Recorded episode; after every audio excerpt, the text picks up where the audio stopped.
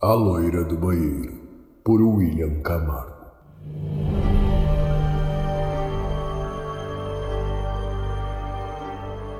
Há muito tempo, uma menina saiu de casa com a mãe para ir à escola, mas as ruas da cidade as recebeu sem nenhum sorriso.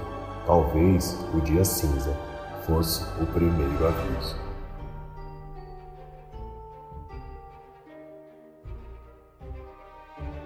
A garotinha determinada a chegar à escola escapou das mãos da mãe e correu pela multidão.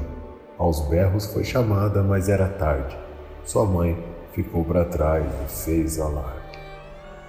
Ao notar que estava sendo observada por olhos esquisitos, a menina engoliu a saliva seca e correu para evitar conflitos. Um homem careca com cigarro fumacento apareceu.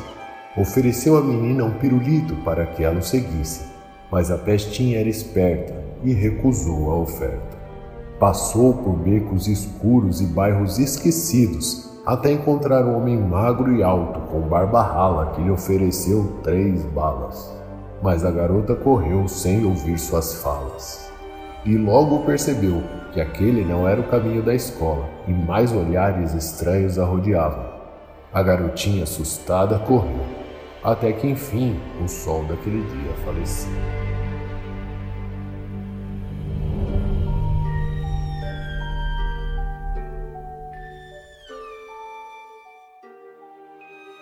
E quando a lua mingou no céu, ela encontrou.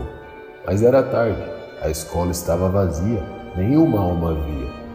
A menina pulou o muro e entrou na escola, mas sem perceber, junto dela entraram dois indivíduos. Maldosos e vis seguiram a pequena que agora corria.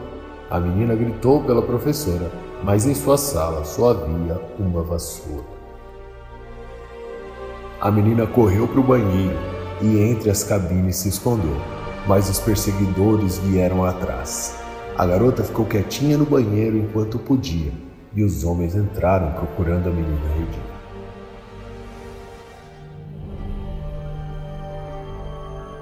Logo a porta do banheiro abriu e um dos homens vis riu.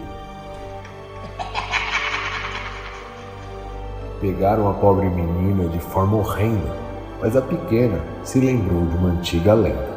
Naquele momento em que os maldosos brutamontes gritavam os palavrões aos montes, a menina chutou a privada por três vezes. O ar quase congelou naquele banheiro de colégio. As torneiras abriram sozinhas e os homens soltaram a garota. A espertinha correu para longe e o chão do banheiro inundou. Na última cabine, um grunhido ecoou.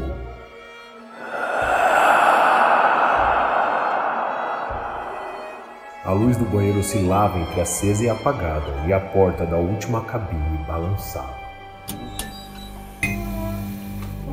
Os assustados tentaram correr, mas a porta fechou sem querer. A menina saiu da escola e encontrou a mãe preocupada. No dia seguinte, ainda sentada na escada, a jovem foi indagada.